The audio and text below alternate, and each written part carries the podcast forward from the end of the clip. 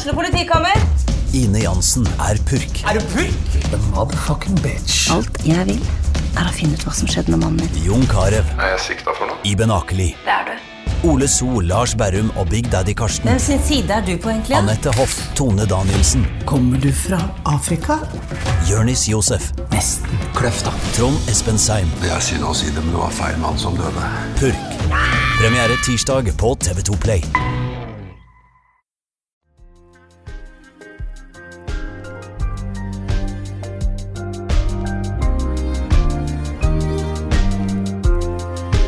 Du hører på Den dama med Synne Muren Olsen og Cecilie Brendehaug Rysjedal.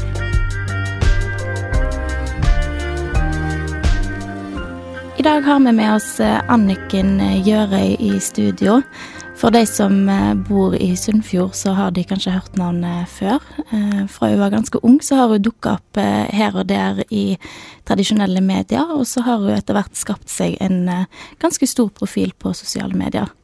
Velkommen til oss, Anniken. Tusen takk. Kan ikke du fortelle oss litt om eh, hvem du er? Ja, jeg eh, heter Anniken Ørøy, 26 år gammel og er bosatt i Askvoll. Jeg har en eh, sønn som er seks år gammel, og jobber jo med ganske masse forskjellig, da. Um, som hoved... Ja, i hovedsak så jobber jeg med foto, film og innholdsproduksjon.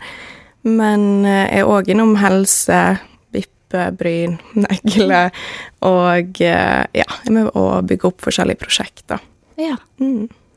Og for oss eh, som eh, følger deg litt på sosiale medier, så er det ikke bare på jobbfronten. Det ser ut som at du har fulgt opp. Mm. du pusser opp et hus. Ja. det kom liksom noe midt oppi der òg, og nå har jeg jo faktisk skaffa meg kontorlokale, så nå er jeg i full sving med oppussing der òg. Så det, ja, det sier jo seg sjøl at jeg er en ganske rastløs person. Ja. mm. Og kontorlokalene dine, hvor er de? Det er i Askvoll, Ja. lokalisert der. Og der er huset ditt, da. Yes. Mm. Mm. Men er dette et hus du har eh, kjøpt noe nylig, eller er det et eh, Eller bygger du hus? Nei, det er et eh, hus fra 1970 som Ja. jeg kjøpte for fem, ja, fem ikke år siden. Mm. Så det er rett og slett full renovering. ja. Gjør du det sjøl, eller får du Nei da, det gjør jeg ikke. Jeg uh, Mye hjelp og ja. Ja. Mm. mm. Men hvordan eh, ser eh, hverdagen din ut, da? Altså, hvordan eh, balanserer du alle disse forskjellige ansvarsområdene? Ja, jeg har en ganske variert hverdag, um, men den begynner som regel klokka sju, da jeg skal få sønnen min på skolen. Og det er jo et eventyr i seg sjøl av og til. Uh, men etter det så er den ganske variert. Så det, da reiser jeg enten på salongen eller oppdrag eller uh, Ja, der, uh, der dagen tar meg, rett og slett. Mm. Og har du alltid vært en sånn person som uh, har veldig mye å gjøre på? Er det litt på en måte den du er som, uh, som menneske, eller uh, er det bare konsekvens av tid? Ja, jeg nok, har nok alltid vært en person som har mange baller i lufta.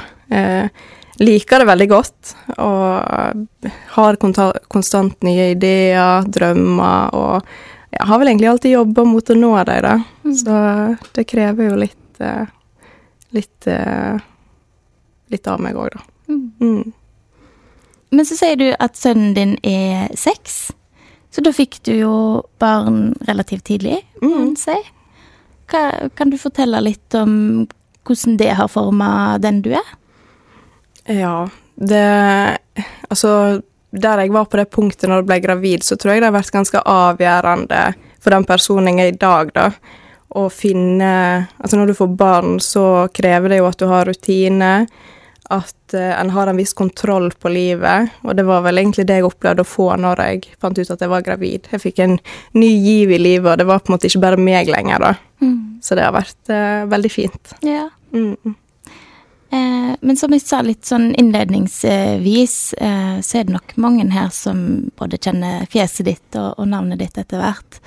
Eh, på Firda har vi skrevet om at du drev med YouTube eh, ganske tidlig i, i sosiale mediekarrieren din. Når var det du begynte å uttrykke deg kreativt på den måten? Åh, det begynte ganske tidlig. Jeg vet ikke om dere husker de pixo.com-nettsidene? ja, det begynte der. Eh, jeg og venninnene mine var veldig glad i å danse og styre på, så vi starta sånn pixo.com-nettside, for vi tenkte vi skulle ta verden med storm. Eh, da var jeg vel ti år gammel. og ut ifra det så utvikla jeg mange av mine egne Altså det blir jo en type blogg, da, egentlig. Men det var vel egentlig der jeg skjønte at det her er noe jeg liker. Tok bilder og ja. Mm. Og når eh, begynte du å eh, satse litt på det som i dag har blitt eh, influenser? Det var veldig tidlig, faktisk. Jeg var tolv år gammel da jeg oppretta min første blogg på blogg.no. Um, ehm, og eh, det var jo allerede da jeg begynte å dele uh, om ting som gjerne jeg syntes var litt vanskelig og sånt. da. Mm. For det er jo eh, Ja, for de av oss som følger deg, så blir vi ofte møtt av en veldig sprudlende og glad, energirik eh, Anniken. Eh, men samtidig så legger du jo ikke skjul på at du har hatt eh, utfordringer, og ting sitter igjen ennå. Kan du fortelle litt om hva de utfordringene har gått ut på? Det begynte som sagt da jeg var rundt tolv år gammel. Da fikk jeg mitt første panikkanfall. Egentlig ganske ut av det blå. Og det gjorde til at jeg ble ute av skolen i et års tid. da. Så ifra den dagen så ble jeg jo veldig isolert. Eh, lite kontakt med omverdenen, og det var på en måte da alt med det blogg.no starta.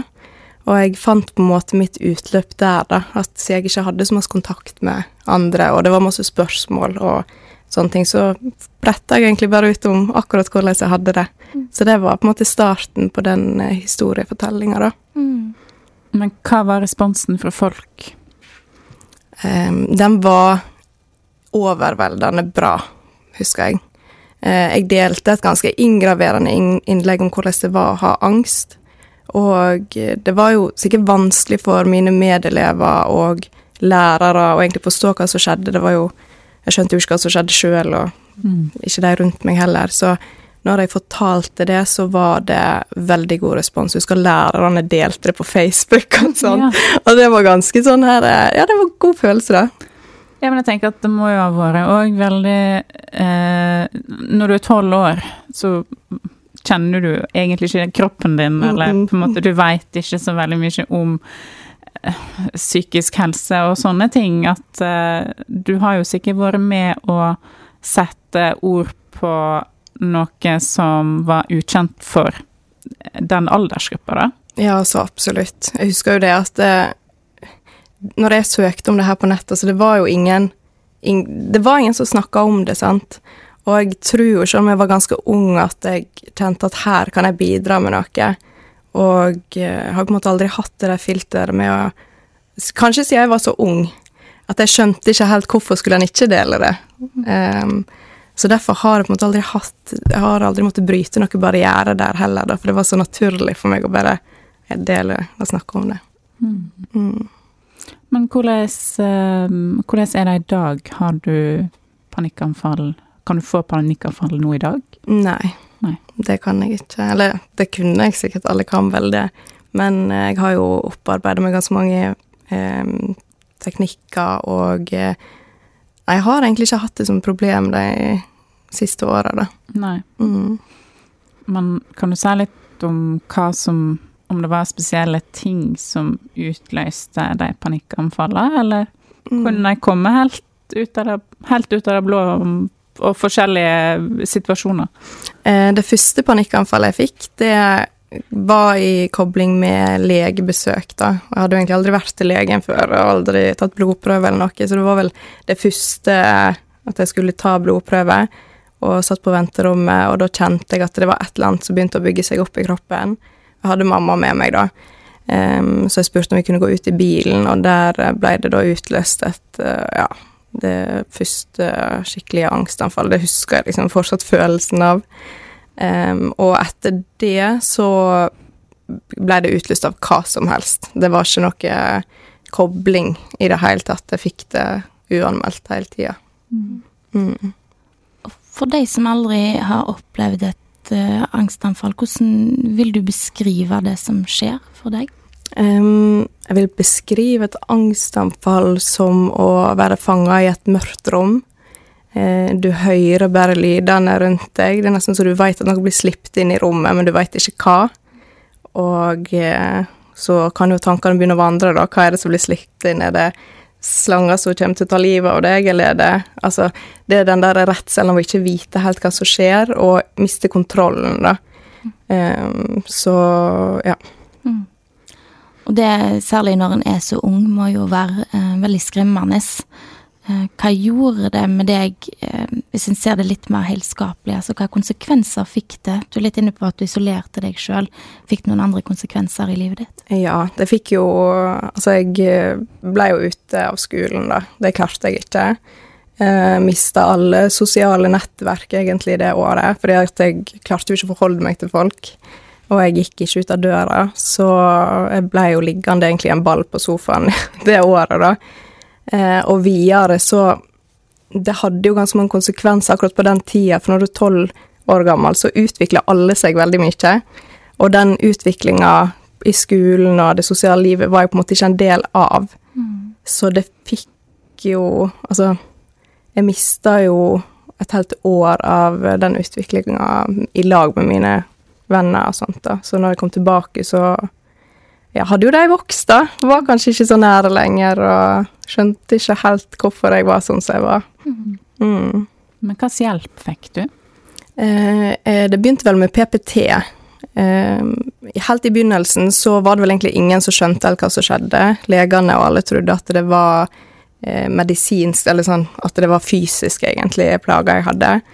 Så det tok ganske lang tid før PPT kom inn i bildet. Eh, og etter det så begynte jeg på BUP, da. Og det var vel egentlig da jeg begynte å få, få, hjelp med alle disse teknikkene til å kunne begynne å leve et liv igjen. Mm. Hvordan syns du det var uh, å gå til BUP i den alderen? Ja Nei, det var vel uh, Jeg skjønte jo ikke helt, altså hva skulle de hjelpe meg med, liksom? Jeg, Så på den alderen har jo full kontroll. uh, nei, jeg, jeg, ser jo nå at jeg fikk veldig god hjelp der. Jeg hadde ei helt fantastisk uh, dame å prate med. Um, men akkurat der og da så var jeg vel kanskje mer irritert, egentlig, for at jeg måtte utlevere meg og ja. Mm. Det tror jeg jo mange kan kjenne seg igjen i. Um, det er jo noe som jeg tenker litt på, at i dag så snakker vi jo mye mer om psykisk helse enn vi gjorde bare tilbake på den tida. Eh, og hvordan var det for altså foreldrene dine oppi det hele? Skjønte de hva som skjedde, og hvordan påvirka dette deg? Jeg tror ikke de skjønte helt hva som skjedde i begynnelsen. Det var nok ingen som gjorde. Um, så jeg har jo prata med dem om det i seinere tid, og de følte seg jo helt rådløse. Og det var jo heller ingen rundt oss som kom med så veldig masse tips, skole og PPT og alle. De visste egentlig ikke helt hva de skulle gjøre. For sånn som du sier, så er det jo masse mer åpenhet rundt det nå. Men på den tida så var det egentlig ikke så veldig kjent, eh, akkurat det temaet. Så um, foreldrene mine visste egentlig ikke helt hva de skulle gjøre. Eh, og eh, tydde kanskje til mange løsninger for å prøve å finne ut av det, sant. Mm. Um, ja. Hvordan var det for din del med det sosiale, for um, når du deler noe på nett, uh, så er det jo altså, tusenvis og tusenvis tusenvis kan lese det. Um, men det å si ting ansikt til ansikt, eller fortro seg til venner, trenger jo ikke å være så enkelt, selv om en er åpen om ting på nett. Hvordan var det? Altså, tørte du å snakke med vennene dine om dette, eller? Nei, i begynnelsen så følte jeg meg bare som en weirdo, egentlig. Det var jo ingen andre som følte det sånn, det var jo bare jeg. Mm.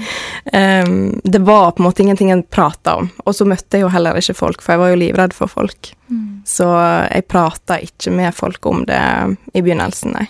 Da var det mamma og pappa. Mm. mm. Men det er jo alle har jo ei psykisk helse. Altså, har temaet Eller har du snakka mer med vennene dine etter hvert året har gått, om de tingene du gikk gjennom når du var så ung?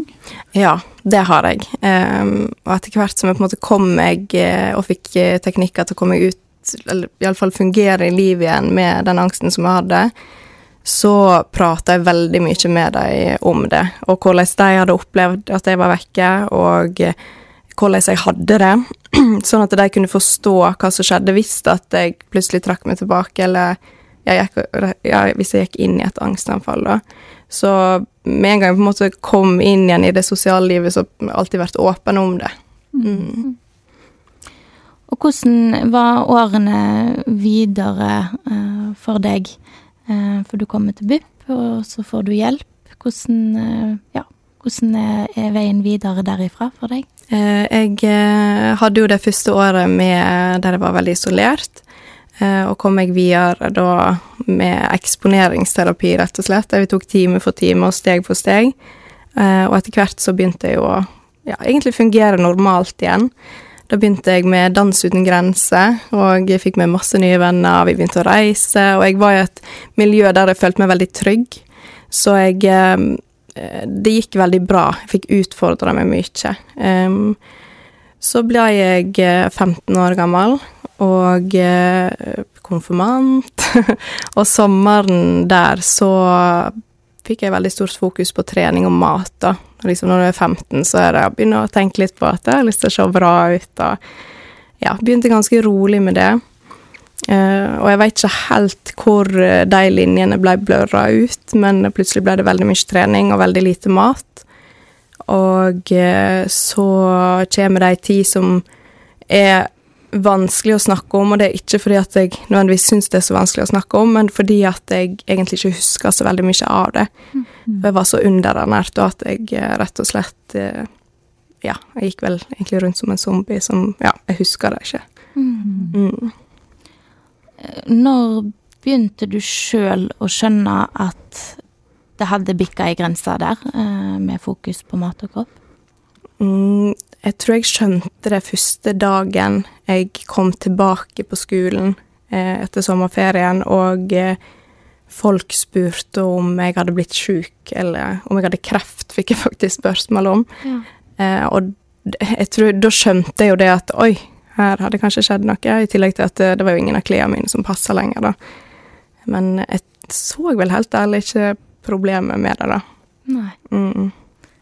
Kan du forklare litt eh, hvordan en resonnerer, eller hva, hva, tanker er det en har i løpet av en dag når en, når en sliter med denne problematikken?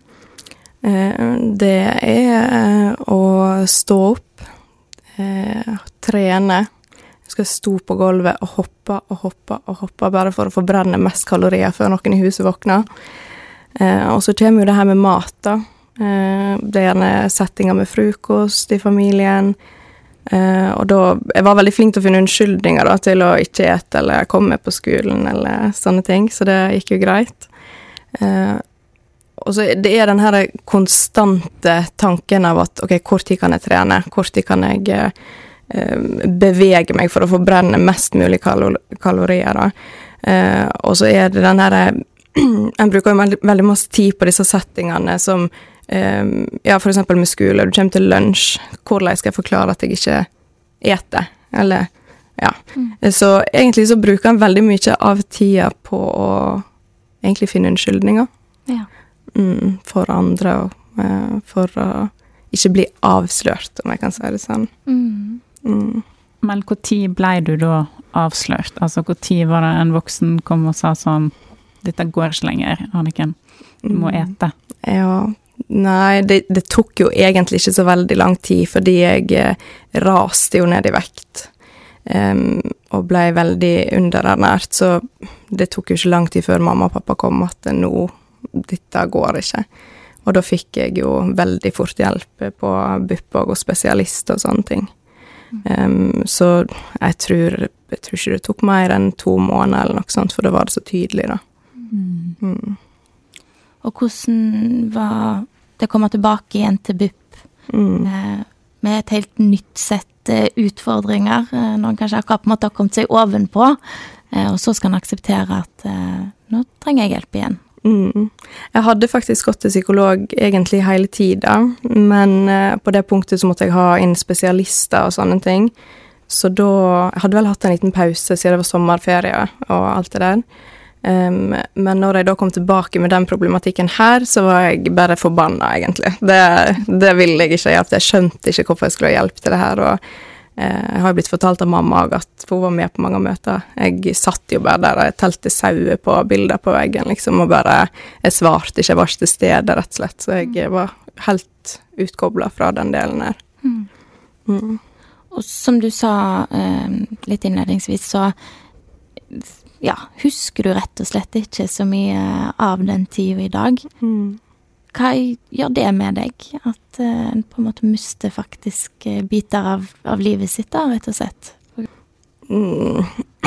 Nei, så jeg ikke husker det, så gjør det jo på en måte meg ikke veldig mye. Men uh, det kom jo ei tid etter der som jeg husker veldig godt, da. Mm. Kan du fortelle litt om den? Ja. Den Det var jo når jeg skulle begynne å ete igjen. Så har en jo da gått i et sånt modus veldig lenge der en ikke er til stede. Og når da hjernen begynner å få næring og begynner å fungere igjen, så kommer det et hav av eh, tanker som en må forholde seg til. Og det å eh, bli dratt i en retning der du egentlig bare har lyst til å sulte deg sjøl, og ikke nødvendigvis lyst, men det er den retningen du har lyst til å gå, og så står det òg håpefulle mennesker på hi side med glød i øynene og bare 'wow, nå blir du bedre igjen', fordi du ser jo friskere ut, du går opp i vekt Eh, den balansen er ganske vanskelig, eh, for da på den tida så husker jeg at jeg hadde jo følt meg som en skuffelse med hadde vært som å styr med angsten. Eh, så hadde jeg De nesten mista meg pga. at jeg var så underernært. Og så skulle jeg liksom i tillegg komme og ha det vanskelig når de syntes det var så bra at jeg ble frisk, da. Så det syns jeg var veldig vanskelig å forholde seg til. Mm. Hvor lenge gikk du i behandling for eh, spiseforstyrrelser? Jeg gikk i behandling så lenge jeg var farlig underernært, egentlig, og det var i Ja, det var ikke sånn veldig lenge, egentlig. Fire-fem måneder, kanskje. Mm. Um, og med en gang jeg begynte å ete, så ble den avslutta. Ja. Mm. Hva tenker du om det? For én ting er jo å begynne uh, å spise igjen. Uh, det betyr jo ikke nødvendigvis at uh, en ikke trenger hjelp med tankene sine. Hvordan var det for deg? Uh, jeg syns jo det var, sånn jeg ser tilbake på det nå, en svikt i systemet, da. Um, for jeg gikk jo ifra å gå der to dager i veka, der eneste fokuset egentlig var på vekt, hvor mye har du spist, hvor mye har du drukket, der jeg egentlig målte på milligram, sant, til ingenting. og det var jo egentlig Eh, Selvsagt trengte jeg jo det gjerne på en måte når jeg var sjuk, men jeg var jo ikke til stede, så når alle disse tankene kom, så hadde jeg jo trengt det mer enn nok en gang. Mm. Mm. Og hva gjorde du eh, på egen hånd? Hvem var det du snakka med, og hva, hva var det som hjalp deg eh, gjennom den perioden, når du ser tilbake? Eh, jeg hadde vel egentlig ikke så veldig mange å snakke med på den tida, og eh, det blei litt sånn time for time med måltid. Det føltes som en evighet mellom den matplanen jeg hadde da jeg skulle lære meg å ete igjen. Gikk veldig masse tur alene og prøvde å sove masse for å bare komme meg igjennom det, da. Eh, og i begynnelsen så var jo foreldrene mine veldig sånn åh, oh, yes, du vet igjen, liksom. Åh, det her, nå ordner det seg. Men så så vel mamma og pappa at det det ordna seg ikke. Mm. Um, og da hadde jeg vel kanskje mista litt sånn trua på det her med psykolog og sånt, da, så um, var ja, mamma ganske desperat òg etter hvordan kan vi fikse det her. Så da reiste jeg faktisk til Healer. Yeah. og eh, det, det ble faktisk et vendepunkt for meg, altså. Yeah. Um, ikke i den grad at det, det hjalp meg så veldig mye sånn Jeg hadde fortsatt tankene, men jeg følte meg sett, da. Mm. Eh, for der, jeg var så vant til hva veier du i dag, hva du eter, alt det her er rent praktiske, men der ble jeg liksom møtt med en klem og hvordan går det med deg? Og ja, det hadde ikke jeg opplevd egentlig på flere år, da. Mm. Så det ble egentlig en liten sånn Det ble et lyspunkt for meg, i hvert fall. Men jeg sleit jo fortsatt veldig mye. Jeg eh, kom inn i et veldig dårlig mønster med når du går ifra å være så underernært og du skal begynne å ete, så er det vanskelig å egentlig stoppe å ete. Eh, så jeg kom inn i en sånn her overspisingsfase, egentlig. Eh, og blei veldig suicidal, eh, fordi jeg eh, ikke hadde verktøy til å håndtere disse tankene som jeg egentlig aldri hadde kjent på før, og det å tilpasse seg andre. Eh, I tillegg så had, var jeg jo veldig åpen om denne spiseforstyrrelsen på bloggen min underveis av alt det her, og jeg følte at jeg mista identiteten min eh, når jeg da ble frisk, eller frisk Det var visst at jeg ikke er tynn. Hvem er jeg da? Mm. Um, så jeg følte at folk ikke likte meg lenger, og ja, følte meg veldig som en byrde, da. Mm. Hva eh,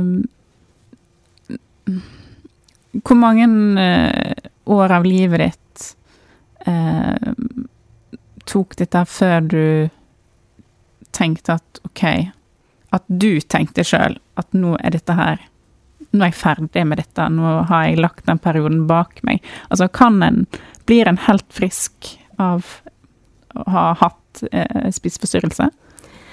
Det er egentlig et litt vanskelig spørsmål. Jeg tror det er individuelt. Um, men jeg uh, hadde et sånt uh, øyeblikk for uh, Det er kanskje fire år siden nå. Fire-fem. Der jeg kjente at nå er det nok. Og jeg innså, innså nok òg at um, Det er jo litt sånn vanskelig å forstå det, kanskje, men jeg hadde syntes så synd på meg sjøl i veldig mange år, fordi Eh, jeg tror kanskje når en sliter med psykiske tanker, så det, det sitter jo i hodet, sant. Og det er veldig fort gjort å havne i en sånn eh, Fæle ting skjer alltid med meg. Eh, ingenting kommer til å ordne seg for meg. Jeg har det vondt hele tida. Det en burde for andre, sant. Eh, og det kom til et punkt der jeg kjente at nå er det nok. Det er jeg som er ansvarlig i mitt liv. Eh, og eh, da tok jeg en sånn heil omvending, egentlig. Jeg har jo gått til psykolog i alle år, fra jeg var tolv til jeg eh, Ja, til og med for fem år siden. Og har hatt eh, over tolv forskjellige behandlere og veldig masse utenom det. Og det har jo sikkert slokka noen branner, men det har allikevel vært glød i peisen så for å få slukka det totalt, så fant jeg ut at jeg må ta ansvar sjøl, da. Og da begynte jeg med meditering og eh, endra matvanene mine, sånn at jeg altså behandla kroppen min mer som, at, eh, som et tempel, eller hva en skal kalle det. Og det var egentlig eh, det jeg trengte, da, for å innse at jeg var bra nok. Finne veien hjem til meg sjøl igjen, på en måte. Men da når du var, eller blei gravid, mm. eh, så vil jo da, hvis jeg eh, husker rett, da vil jo da gå inn i den perioden der du fremdeles ikke hadde sagt til deg sjøl at eh, nå må jeg skjerpe meg. Mm. Hvordan var det å, å, gå gravid mens du hadde alle disse tankene? En er jo ekstra hormonell. Ja. Eh, jeg var nok på det punktet når jeg ble gravid. Det var jo på en måte et vendepunkt for meg, det òg, da. Um, i den forstand at jeg eh, fikk på en måte kontroll på livet mitt igjen, eh, tok mer ansvar og det der, men jeg eh, sleit fortsatt med tanker om mat, og jeg husker jo at det å skulle bli gravid og være redd for å legge på seg, det var en vanskelig kombinasjon, da. Men der igjen så var det det her med at han var på en måte viktigere enn noe annet. Um, men det var nok ikke før uh, ja, et år eller to etterpå der igjen jeg da fant ut at jeg syns jo egentlig veldig mye synd i meg sjøl. Så ja, jeg fikk et nytt vendepunkt igjen, da. Mm. Mm.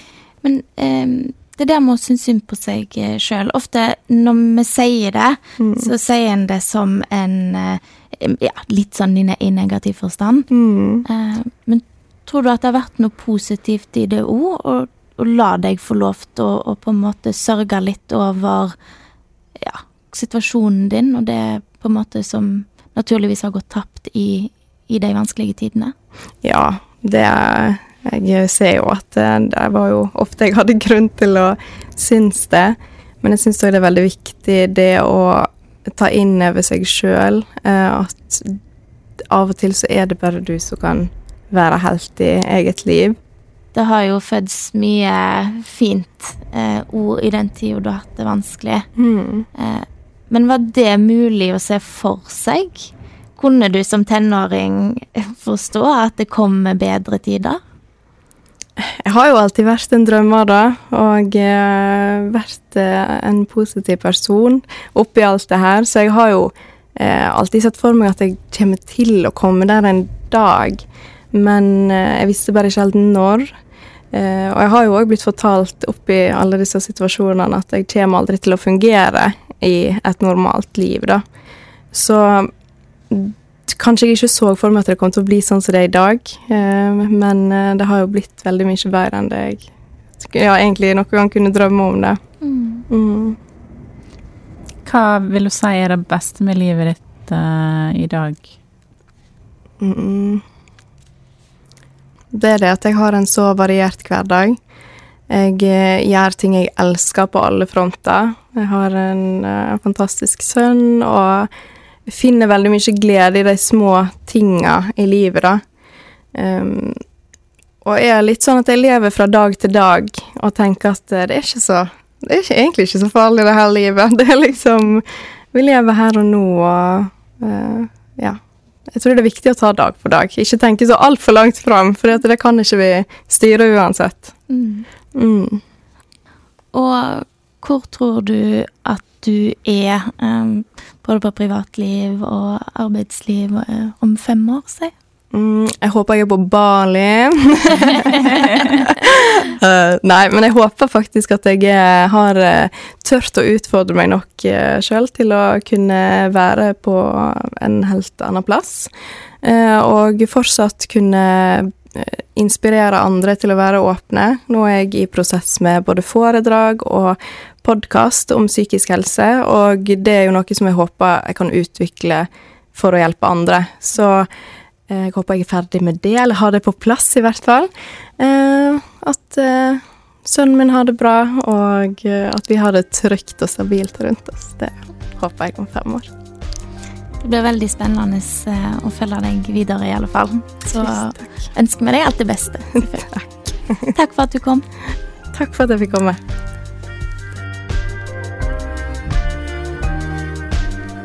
Du har nettopp hørt Den dama. Ny episode kommer neste fredag. Ha det bra så lenge.